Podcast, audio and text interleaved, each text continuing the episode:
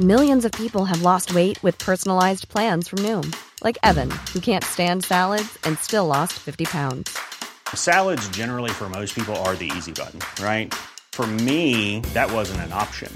I never really was a salad guy. That's just not who I am. But Noom worked for me. Get your personalized plan today at Noom.com. Real Noom user compensated to provide their story. In four weeks, the typical Noom user can expect to lose one to two pounds per week. Individual results may vary. There's never been a faster or easier way to start your weight loss journey than with PlushCare. PlushCare accepts most insurance plans and gives you online access to board-certified physicians who can prescribe FDA-approved weight loss medications like Wigovi and Zepbound for those who qualify. Take charge of your health and speak with a board-certified physician about a weight loss plan that's right for you. Get started today at plushcare.com slash weight loss. That's plushcare.com slash weight loss. plushcare.com slash weight loss. One size fits all seems like a good idea for clothes until you try them on. Same goes for healthcare. That's why United Healthcare offers flexible, budget friendly coverage for medical, vision, dental, and more. Learn more at uh1.com.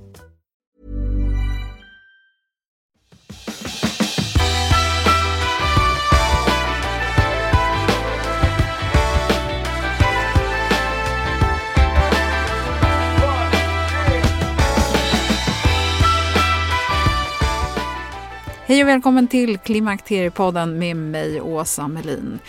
Ett ämne som man inte kan tala nog om är bröstcancer och vad det är kvinnor som får bröstcancer får utstå. De kastas rakt in i en kropp där man medicinerar bort allt östrogen och det ger inga nådiga klimakteriebesvär. Här är det extra kämpigt för unga kvinnor som har ett högt östrogen och måste gå från 100 till 0. Först oron kring cancern och sen ska man försöka vara tacksam för att vara frisk och själv hantera sina besvär. Lyssna på kloka Sofia Lam och dela gärna med någon som du tror skulle uppskatta det här avsnittet som först publicerades i mars 2019. Sofia är en riktig kämpe och senast hon flashade förbi hade hon just sprungit vårruset. Underbart ju! Så välkommen att lyssna.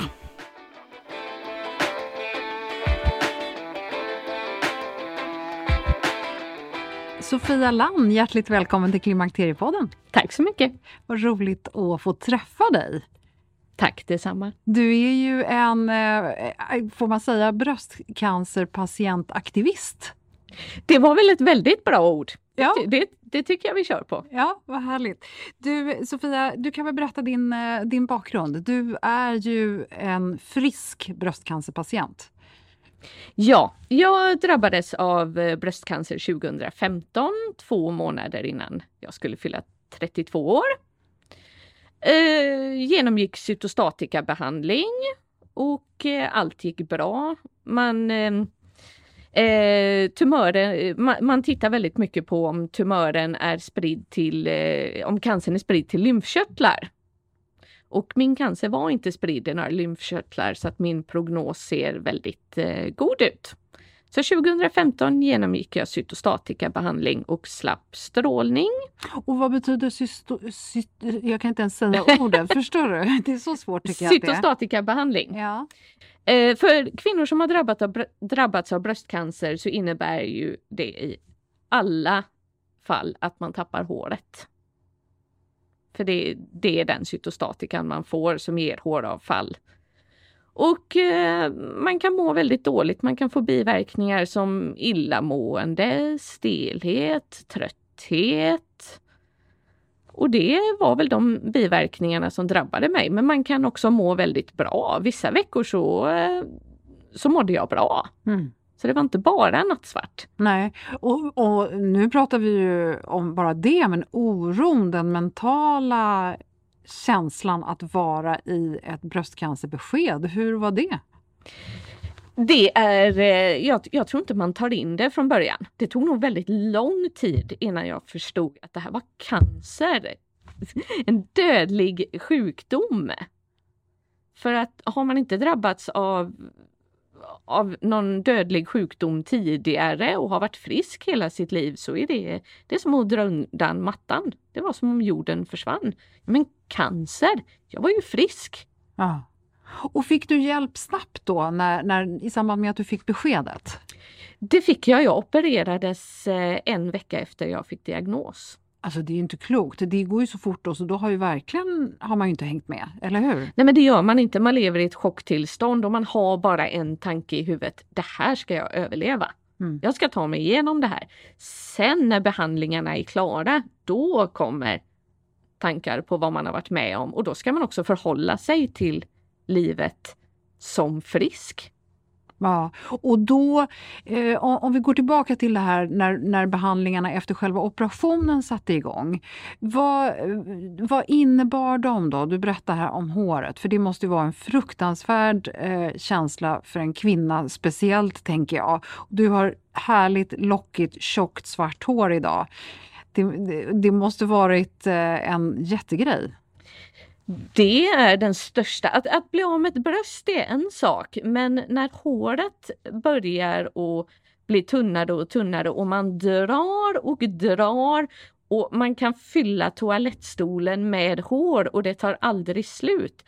Det var psykisk tortyr och när du vaknar upp på morgonen så är kudden full med hår. Du tappar all behåring du har på kroppen, ögonbryn, ögonfransar, all kroppsbehåring försvinner. Det var svårt att ta. Mm. Och, och, då är du mitt uppe i den här behandlingen och mår, åker upp och ner i en berg och dalbana. Va, va, vad händer mer under den här perioden? Man lever i tre veckors cykler och det är en jätte jättestor sak, i, speciellt i vårt samhälle idag när mycket är baserat på prestation, att inte kunna gå till jobbet. Att vara sjukskriven så länge och vara hemma och leva i den här cancervärlden som är så främmande mm. och skrämmande.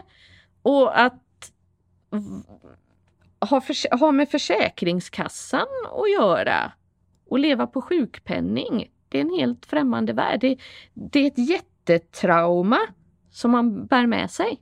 Mm. Som har så många olika aspekter. Mm. Och sen när man går igenom den här behandlingen, hur, hur länge var du på den här sy, sy, du ser, jag kan inte säga det fortfarande. Cytostatika. Cytostatika-behandlingen. Eh, jag började i mars 2015 och var klar i juli.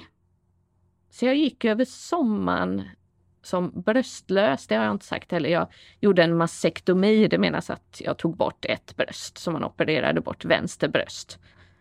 Så bröstlös och hårlös så överlevde jag den sommaren. Och, och, och, när sätter man in de här antihormonella preparaten? Det börjar man med väldigt fort efter att cytostatikan är eh, avklarad. Så jag tror att det, det var nog bara några dagar emellan att jag var klar med cytostatika och började ta min medicin. Och, och, om när, när du då skulle börja med den här antihormonella, fanns det några diskussioner kring det? Finns det några alternativ? Vad, vad, vad händer där? I, dagsläget så finns det inga alternativ till den här medicinen. Det finns två olika sorters tabletter som stänger av östrogenet. Tamoxifen är den vanligaste och den har ju funnits lång, sedan länge tillbaka. Och på senare tid så ger man även en aromatashämmare till en del patienter och den blockerar ett enzym som heter aromatas. Den fungerar lite annorlunda än tamoxifen och har lite andra biverkningar men man säger också att den kanske är lite effektivare mot återfall. Okej. Okay. För, för de som lyssnar här nu på Klimakteriepodden vet ju vad ett östrogenbortfall innebär. Eh, och då, då tänker jag så här att det går ju för en kvinna som biologiskt kommer till klimakteriet eller liksom genom livet när fertiliteten går ner och så vidare. Eh, då har man ju på något sätt en beredskap och det går så långsamt så att det blir inte okej, okay, svettningar, vallningar kan komma ganska plötsligt på men man har oftast faktiskt ändå haft en, en fas in i det här. Hur, vad händer för dig? Det, det, här blir ju en väldigt plötslig reaktion i kroppen när man får, eh, när man får en medicinering som är så stark som den här ändå är. Och när man, om man inte är i klimakteriet och får en aromatashämmare så måste man stänga av äggstockarna för äggstockarna producerar ju jättemycket östrogen.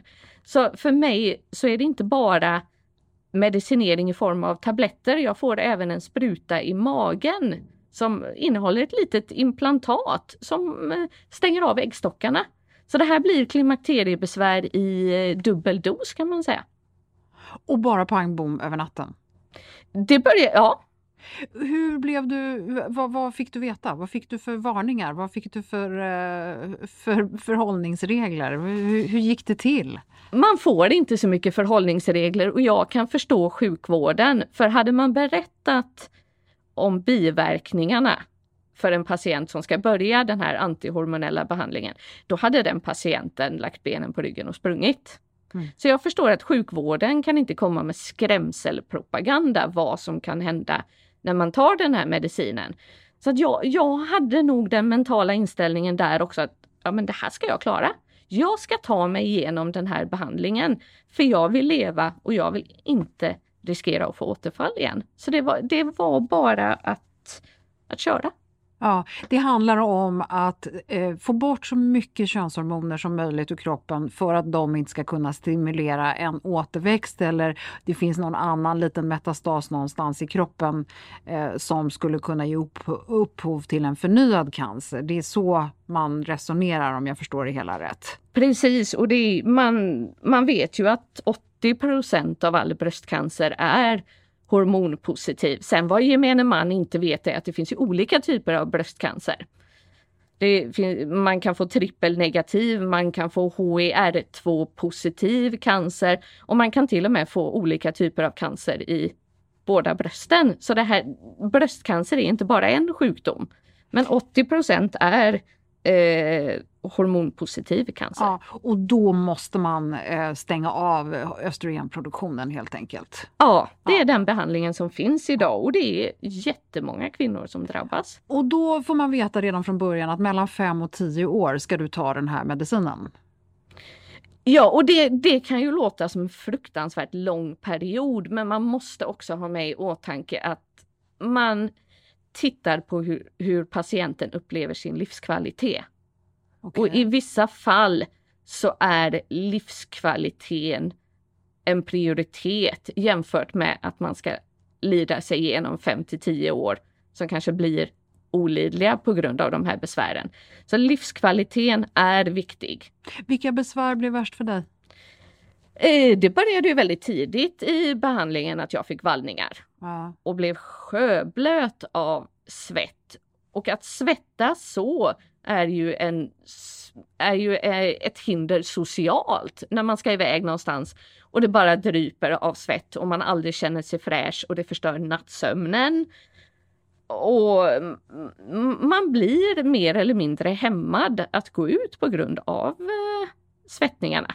Och vad gjorde du? Jag lärde mig nog väldigt tidigt att jag måste förhålla mig till det här. Om jag ska äta den här medicinen så måste jag hitta ett sätt att förhålla mig. Och det kan ju vara så att fönstret fick vara öppet hela natten även när det var minusgrader ute. Och sen kanske mamma tyckte att det var risk för inbrott. Hon sa, men du kan ju inte ha fönstret öppet hela natten. Jo, men det kanske jag måste ha. Mm. För att kunna sova. Jag måste tänka på hur jag klär mig. Att inte ha för tjocka kläder på mig.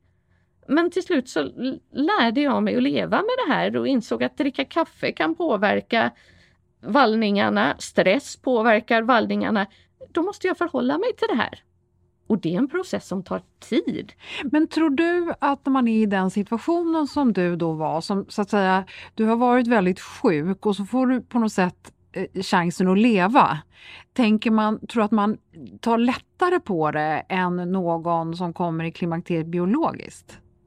Nej, jag tror snarare att det är svårare. För jag upplever... Nej, jag tänker besvären nu. Alltså mentalt så tänker jag att det är hundra gånger svårare för, för dig som, som överlevare. Men jag tänker på, på den som eh, så att säga klagar över sina eh, vallningar som, som, som vanlig klimakteriekvinna i 50-årsåldern. Hon det är ju naturligt så att säga, men du har ju ändå överlevt något som är mycket, mycket värre? Tror att man förringar eller tycker att ah, det här är ingenting? Jo men det gör man nog och det är därför vi måste sprida kunskap och jag tror att gemene man, vad jag hör är att om jag pratar med kollegor och säger att ja, men jag har sådana problem med mina vallningar, då får jag ju alltid höra av de kollegorna att ja, men du kan väl inte vara i klimakteriet som är så ung? För man vet inte Nej. att det här är en baksida av bröstcancern som vi är friska ifrån. Vi är cancerfria men vi, har ju, vi är ju fortfarande under behandling. Och att sitta och förklara det här gång på gång på gång för mm. kollegor som inte förstår och för människor runt omkring. Det är tröttsamt. Mm. För det, det, är, det är motsägelsefullt att ha en kropp som på kemisk väg är ganska gammal. Och, och till sinnet så är jag fortfarande en vanlig kvinna i 30-årsåldern. Man säger ju eh, hela tiden att om man kommer i tidigt klimakterium, alltså biologiskt tidigt klimakterium, så är det så otroligt viktigt att behandla med östrogen för att du får en ökad risk för benskörhet och ökad risk för hjärt-kärlsjukdom. Eh, östrogenet är smörjmedel i våra leder och det finns massor med olika saker som östrogenet är bra för. Hur, hur blir man informerad i din situation? Man blir inte informerad. Jag tror att mycket är upp till en själv och viktigt att komma ihåg är när man har gått igenom en operation, strålbehandling, cytostatika och fått ett cancerbesked, då är man väldigt ärrad och, och rädd som människa och befinner sig ofta i ett trauma. Att börja leta information om vad den här behandlingen egentligen innebär, det blir övermäktigt. Men jag tänker också att det måste vara väldigt läskigt att tänka att ja men vad har det här för kontraindikationer? För jag tänker om jag börjar googla som eh, klimakterie, biologisk klimakterie, då finns det ju massor med olika saker man kan hitta. Ja men ta det här preparatet och ta de här fytoöstrogenerna och nyponpulver och det finns havtornsoljor och det finns eh, ja, mängder med olika saker man kan göra. Vågar man ta till det i, i din situation? Jag, jag tror man måste, om man, har, om man har drabbats av bröstcancer så måste man sålla i all den informationen som du pratar om. Man måste tänka, vad mår jag bra av? Ja men du kan ju inte liksom testa allt. Nej och det ska man inte göra heller. Men jag tror att man måste, man måste tänka på vad har jag för bekymmer? Vad är det av allt det här som, som pågår i kroppen? Vad är det jag behöver fokusera på som är värst? Det kanske är stela leder. Ja vad ska jag göra om jag har stela leder? Och så hitta någon kanal och någon väg till hjälp. För skulle man lyssna på allt det här så blir alla råd som finns så blir man galen. Jag tror att varje kvinna måste gå till sig själv och tänka vad, vad, vad är det med det här som jag måste göra någonting åt? Mm. Och vad, vad hade vården kunnat göra annorlunda för dig, när, nu, om vi nu pratar om just de här klimakteriebesvären, om vi nu får kalla det för det, för det kallar ni ju inte, eller vad, heter det något annat i din värld? Det är klimakteriebesvär. Ja. Det, det, det, det finns inget annat ord. Nej. Eh, nej men jag tror att vården behöver träna sig på att, att, att faktiskt på ett bra sätt berätta om biverkningarna som kan uppkomma. Och då tänker jag främst på, för man, man kan inte, vården kan inte berätta om alla biverkningar för som sagt då kommer ingen att ta medicinen. Men risken finns att man blir benskör och speciellt om man äter en aromatashämmare så kan det finnas en risk för eh, benskörhet. Och där tror jag att vården i alla fall behöver informera om att det finns ju tester att göra. Man, man kan gå vartannat år eller vart tredje år och kolla detta. För jag tror att i det långa loppet, om vi ska äta den här medicinen i 5 till 10 år, så behöver vi veta det här. Mm. För att helt plötsligt börja bryta benen och inte veta varför, det, det kommer ingen må bra av i det långa loppet. Och man behöver fokusera från vårdens sida på den psykiska hälsan. Våra hormoner styr ju jättemycket av vårt mående. Mm. Och vad jag hade önskat personligen med min erfarenhet är att de hade sagt någonting om vikten. Mm. Att när man är i klimakteriet så behöver man äta mindre kalorier för ämnesomsättningen blir långsammare. Då hade jag inte behövt gå upp alla de här kilorna som har smugit sig på mig. Men det är ju en jättefin balansgång hur vården ska prata till oss patienter för att inte skrämma oss. För målet måste vara att vi ska börja ta medicinen. Ja, och, och, och då tänker jag så här, då väljer man ju ändå eh, mellan två, eh, alltså pest eller kolera lite grann låter det ju som.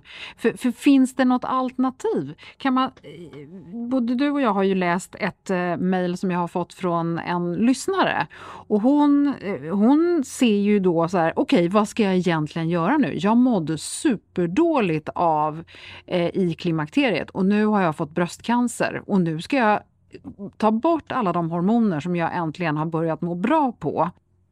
Jag, jag, jag tror att man, man, måste, man måste våga tänka positivt att det, det, det, finns hjälp att få. Man måste våga gå till onkologen och säga det här är min rädsla. För det kan ju faktiskt vara så att biverkningarna av den här medicinen blir inte så allvarliga som man har tänkt sig. Man kan också, vad man kan göra idag det är att byta sort. Om man får en aromatashämmare och känner att ja, men det, det, här, det här kan jag inte leva med, det här är inte livskvalitet för mig.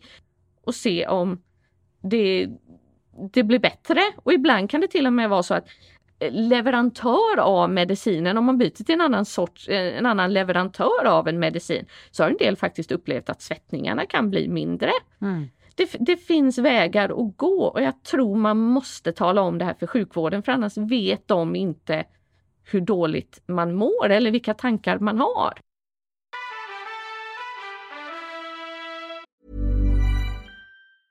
Many of us have those stubborn pounds that seem impossible to lose, no matter how good we eat or how hard we work out. My solution is PlushCare. PlushCare is a leading telehealth provider with doctors who are there for you day and night to partner with you in your weight loss journey. They can prescribe FDA-approved weight loss medications like Wagovi and Zepbound for those who qualify.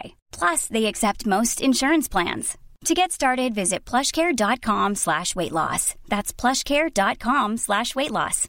Here's a cool fact. A crocodile can't stick out its tongue. Another cool fact you can get short term health insurance for a month or just under a year in some states. United Healthcare short term insurance plans are designed for people who are between jobs, coming off their parents' plan, or turning a side hustle into a full time gig. Underwritten by Golden Rule Insurance Company, they offer flexible, budget friendly coverage with access to a nationwide network of doctors and hospitals. Get more cool facts about United Healthcare short term plans at uh1.com. I'm Sandra, and I'm just the professional your small business was looking for. But you didn't hire me because you didn't use LinkedIn jobs. LinkedIn has professionals you can't find anywhere else, including those who aren't actively looking for a new job but might be open to the perfect role, like me. In a given month, over 70% of LinkedIn users don't visit other leading job sites. So if you're not looking on LinkedIn, you'll miss out on great candidates like Sandra. Start hiring professionals like a professional. Post your free job on linkedin.com/achieve today. Det är härligt att klimakteriets tabu äntligen är på väg bort.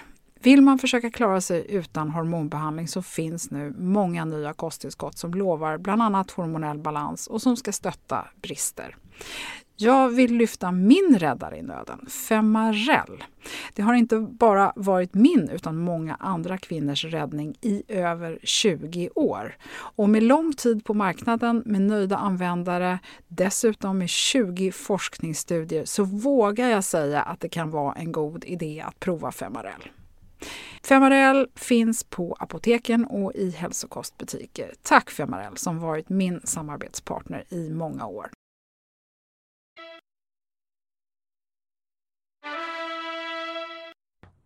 Eh, när, man tar, eh, när man hamnar i klimakteriet biologiskt så, så vänjer sig ju kroppen efter ett tag och det är som att de här eh, termostaten ställer in sig. Så att de här vallningarna vänjer sig vid den här lägre östrogennivån och så småningom så mår man ganska så bra på det här. Och den här perioden, så kallade övergångsåldern kallar vi för av en anledning, den kan ju variera väldigt mycket för kvinnor. Och en del surfar ju igenom utan att känna någonting även om de då plötsligt plötsligt går från mycket östrogen till inget. Men förr eller senare så blir ju nästan alla kvinnor av med vallningarna. Är det samma sak som med, med eh, en bröstcancerpatient som står under behandling?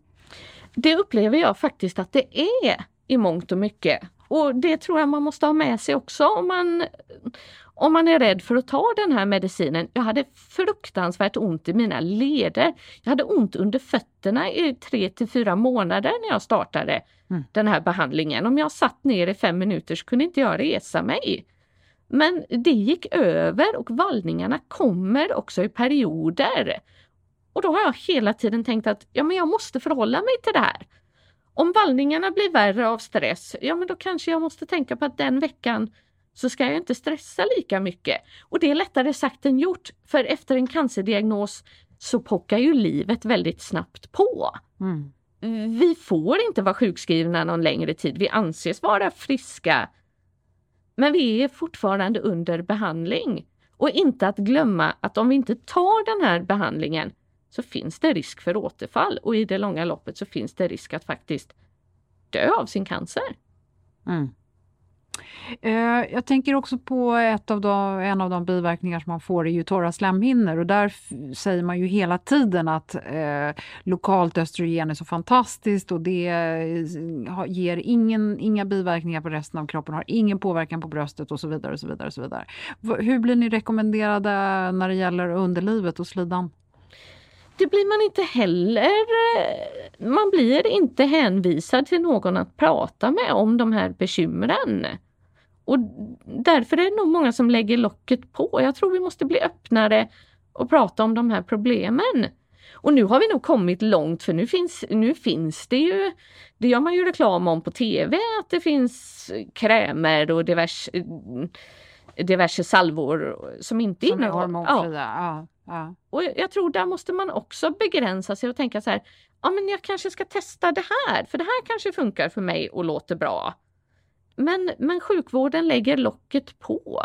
Och det tror jag vi gör i allmänhet. Vi, vi, vi måste bli bättre på att prata om samlivet och vi har kommit långt för Bröstcancerförbundet har också börjat ta upp samlivet som en av sina punkter. Vi måste komma tillbaka till våran lust. För jag tänker så här att det handlar ju så mycket om, jag tänker att överleva eller få leva, det är, sån, det är ju en sån enorm fråga. Och och då tänker man kanske så här, åh jag ska vara tacksam för att jag lever, för alternativet hade ju varit mycket värre. Men att leva kommer man ju då till en punkt naturligtvis, okej, okay, var, som du började med här, vad är livskvaliteten och hur ordnar jag till det så att livet faktiskt är värt att leva? Vilka, vilka är liksom dina tyngsta, eller vad har varit det, det största drivkraften för dig jag tror jag har hittat mycket drivkraft i att gå ut och prata om de här frågorna, för jag ser ett behov. Och jag ser det lite som min mission i livet efter cancer, att gå ut och prata om det här, att vara till ett stöd för människor, att informera, att sprida kunskap. För att det är den vägen vi måste gå. För det är ett lidande, det är många kvinnor som drabbas. Och jag tror att jag har det drivet och som du säger, jag, jag, jag går inte runt varje dag och känner tacksamhet för att jag lever. För att livet pågår ju med små saker och arbete och allt runt omkring. Men jag har hittat min drivkraft i att försöka hjälpa andra. Mm. Och, och, eh, det här med att hjälpa andra, jag vet att du ingick i ett nätverk eh, redan på ganska tidigt stadium. Där fick du då kontakt med andra kvinnor i samma situation. Eh, hur, blev det lite grann ett substitut då för att det inte fanns någon i vården att prata med? Eller hur, hur berätta, vad, vad fyllde det för funktion för dig? Jo men en, en organisation där kvinnor har varit med om samma sak. Det fyller en jättefunktion och jag hoppas att vården kan se en bröstcancerförening som ett komplement till deras arbete. För där träffar du ju människor som har varit med om samma sak, man delar samma erfarenheter, man blir plötsligt väldigt, väldigt öppen att prata om besvär som man kanske inte delar med någon annan. Man kanske inte går hem till sin partner och vågar vara riktigt ärlig med hur man mår. Men i en förening så kan man vara det tillsammans med andra som har varit med om samma sak. Mm. Så Cancerföreningarna fyller ett jätte... De har ett jättesyfte och det hoppas jag att sjukvården ser. För jag menar, jag är fullt medveten om att sjukvården idag är överbelastad. Sjukvården. Det hör vi om i media jämt att sjukvården får mindre pengar, personal blir utbränd. Det är mycket att göra. Mm. Och då måste vi hitta andra vägar att hjälpa varandra. Det, det jag hör på dig är ju väldigt likt. Jag tänker det är många kvinnor som också känner det här med klimakteriet och klimakteriebesvär. Att det inte heller att, de inte, att det inte finns några ventiler. Att man liksom, ja, en sak är att tala med en gynekolog där man får 20 minuters tid en gång om året. Men att, och med väninnorna så är det lite känsligare, man kanske inte riktigt vill prata om det utan man behöver ett forum. När ni är i det här forumet, är besvären lika olika som vi är som människor människor? Eller hur eh, skulle du säga att det finns något universalproblem som alla söker hjälp för? Jo men det gör det. Historierna är väldigt lika och där tror jag att om vi kartlägger var problemen finns och tänker att vi kan göra någonting åt det så kommer vi kunna det. För det är liknande historier. Sen klart det finns familjeförhållanden som skiljer sig, och, men biverkningarna vi har är i stort sett lika. Vad, vad är, om vi nu ska liksom komma till konkreta råd här för, för kvinnan som, som eh, lyssnar här nu som eh, eh, ska hit, få bra hjälp mot sina klimakteriebesvär icke-hormonellt. Kan du inte dela med dig av dina bästa råd? Att våga ta kontakt med sjukvården. För min erfarenhet är att även om sjukvården är överbelastad så vill onkologerna vårt bästa man ska, har man frågor, funderingar och oro så ska man eliminera den oron genom att ta kontakt med vården igen. Vi, vi måste våga höras. Vi måste våga tala om att vi, vi finns här som, som jag var inne på tidigare, man måste sålla i all information som finns och tänka på vad är det jag behöver hjälp med? Men, och, och du då som eh, individ, kan vi få ditt bästa tips? Vad, vad, har, vad har hjälpt dig mest med nu konkret eh, klimakteriebesvär? Vad som har hjälpt mig har varit att prata om mina besvär.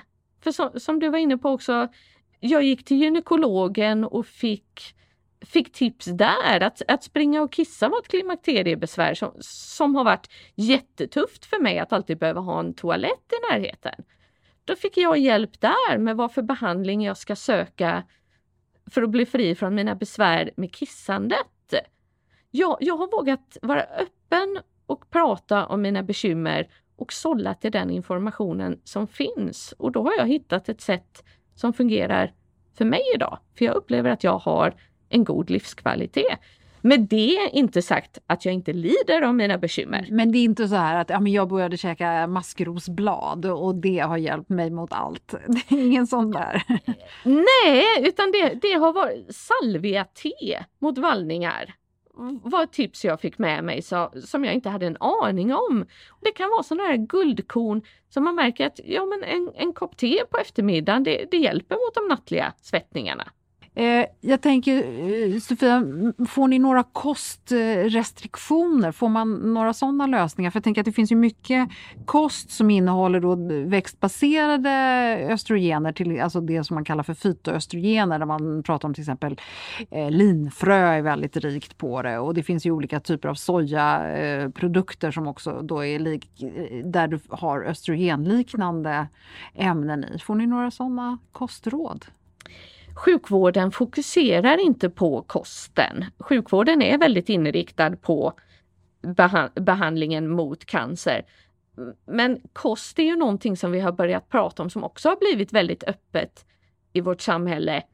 Mycket tack vare sociala, sociala medier, antiinflammatorisk kost och, och, och jag tror där måste man också hitta sin egen väg. För skulle man leta i alla receptböcker så, sku, så skulle man ju bli galen och bli tokig om man skulle försöka leva efter, efter något visst mönster. Men jag, jag tror där gäller också att tänka att allt är måttlig mängd. Jag tror inte att man ska tänka att ja, men jag får inte äta sojabönor eller jag får inte äta det här för det är östrogen i, utan allt i måttlig mängd. Jag tror inte att det Nej. Det är ingenting nej, men jag som skadar. Det, ja, nej, men, nej det, det, jag håller helt och hållet med dig. Men jag bara tänkte att det var intressant att veta om ni får några sådana här no-nos. Men det, det, får man inte heller när det gäller så, kosten. Så att, ja. Nej, sjukvården pratar inte mycket om kosten. Nej. Nej, livsstil är inte riktigt... De pratar inte om alkohol och rökning, och, eller rökning kanske man alltid pratar om i vården nu. Jo men, jo, men det har man ju kommit fram till att det finns vissa faktorer som eh, kan orsaka cancer, absolut. Det, men det, det, det, finns inte riktigt det tänket där. Och även i klimakteriet att man går upp i vikt. Mm. Jag hade så önskat att de kunde ha nämnt för mig att du behöver kanske äta 100 kalorier mindre. För att ha haft en kropp som har fungerat och man har kunnat träna och gå ner i vikt till att få det här fluffet runt magen som, som kommer smygande. Man tycker ett och två kilo, ingen fara. Men när det har gått några månader till och man har 10 kilos övervikt, då, har, då tyckte jag att jag hade ett problem. Ja, så ska man ta tag i det också mitt uppe i alltihopa. Ja, och lä, lära, lära sig att tycka om sin kropp efter allt den har varit med, med om. Och där tycker jag vården brister också. Att det skulle kunna finnas en remiss till en dietist. Och om vi då eh, slutligen ska ge lite, lite inte smäll här nu, men, men vi ska ge vården lite tips här på vägen och så ska vi fånga upp det och eh, prata med vården i ett kommande avsnitt här. Vad, vad ska vi ta med oss och vad är det de behöver bli bättre på? De behöver bli bättre på att bemöta just klimakteriebesvären i början av behandlingen. Att försöka se, och det här är ju olika förvisso olika som individer. Jag hade behövt ha någon att prata med när jag började den här behandlingen. Jag hade velat ha någon som kunde ge mig tips på vägen, som kunde besvara mina frågor. Och sen behöver ju vården följa upp de här kvinnorna som får bekymmer efterhand. Man känner sig väldigt, väldigt ensam i den här resan. Och jag, jag tror även vården behöver tänka på vad är, vad är det för kvinnor som slutar ta sin medicin efter vägen? Man vet bara att det är många som slutar ta medicinen. Vad beror det på? Ja, de mår säkert så dåligt så de tänker att jag struntar i om jag får tillbaka cancern. Tänker jag i alla fall. Och det är ju jätteallvarligt. Ja. För det, det, det handlar inte bara om klimakteriebesvär, det handlar om att rädda våra liv. Vi, vi ska få ett fullgott liv. Jag är jätteglad för att du har varit med och eh, vill dela din erfarenhet här. Jag tror att det är väldigt många som uppskattar det här avsnittet. Eh, jag tar med mig, eh, återigen, det är som med klimakteriebesvär. Det finns inte en lösning utan man måste treva runt på egen hand. Finns det någonting som ni som patienter blir avrådda från? Finns det någonting som är så här, no, no, det här får ni absolut inte göra eller det här är farligt för er eller något sånt? Jag upplever ju att eh, att sjukvården är skeptiska till, till naturläkemedel. Och det förstår jag också för läkare är, är duktiga på sitt område. De botar våran cancer. Det är de fantastiska på. Sverige har jättebra cancervård. Men det finns ju faktiskt, och där, min egen erfarenhet är att jag har hittat en homopat som jag litar på. Jag litar på att han vet vad han ger mig. Och där är ju sjukvården är inte riktigt där och det kan vara väldigt, väldigt förvirrande. Men jag tror rådet är att är man osäker, vågar jag ta det här naturläkemedlet? Ja, men ring onkologen och fråga. Mm. För, det, för det är olika, de har olika yrkesområden, de är olika duktiga på olika saker. Jag tänker att där är det också, ligger vi ju efter i Sverige. För eh, generellt så kan man ju säga nere i Europa, framförallt i, i Tyskland, Österrike, Schweiz, där ligger man ju väldigt långt framme. Alltså där vanliga läkare i, i eh, väldigt många fall faktiskt rekommenderar homeopatiska eh, läkemedel som en, eh, som, mot alla möjliga olika saker som ett första steg i en behandling. Så att eh, Sverige kanske behöver lära sig lite där. Sen tror jag vi är rädda, många människor är rädda för att ge tips just till cancerpatienter. Ja men tänk om det här skadar den ja, patienten. Det tror jag du har verkligen rätt. Jag har, jag har en vision som jag hoppas ska bli verklighet snart och det är att det finns en paraplyorganisation, alla bröstcancerföreningar i Europa har en paraplyorganisation som heter Europa Donna. Och de jobbar mycket på EU-nivå med att sjukvården ska vara likvärdig och visionen är att på alla sjukhus så ska det finnas en bröstcancerenhet som fokuserar bara på bröstcancerpatienter.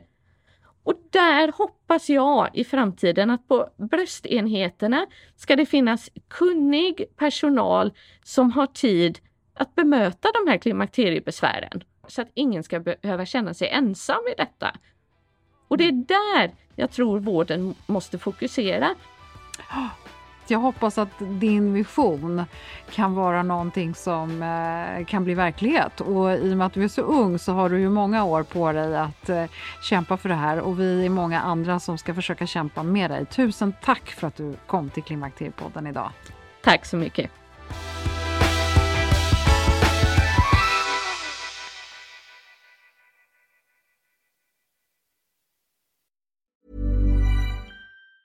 Even on a budget, quality is non-negotiable. That's why Quince is the place to score high-end essentials at 50 to 80% less than similar brands. Get your hands on buttery soft cashmere sweaters from just 60 bucks, Italian leather jackets, and so much more. And the best part about Quince, they exclusively partner with factories committed to safe, ethical, and responsible manufacturing. Elevate your style without the elevated price tag with Quince. Go to quince.com slash upgrade for free shipping and 365-day returns. Ever catch yourself eating the same flavorless dinner three days in a row? Dreaming of something better? Well, HelloFresh is your guilt-free dream come true, baby. It's me, Gigi Palmer. Let's wake up those taste buds with hot, juicy pecan-crusted chicken or garlic butter shrimp scampi. Mm. Hello Fresh. Stop dreaming of all the delicious possibilities and dig in at HelloFresh.com. Let's get this dinner party started. Imagine the softest sheets you've ever felt. Now imagine them getting even softer over time. That's what you'll feel with Bowl and Branch's organic cotton sheets. In a recent customer survey, 96% replied that Bowl and Branch sheets get softer with every wash. Start getting your best night's sleep in these sheets that get softer and softer for years to come. Try their sheets with a 30-night guarantee. Plus, get 15% off your first order at bowlandbranch.com. Code BUTTERY. Exclusions apply. See site for details.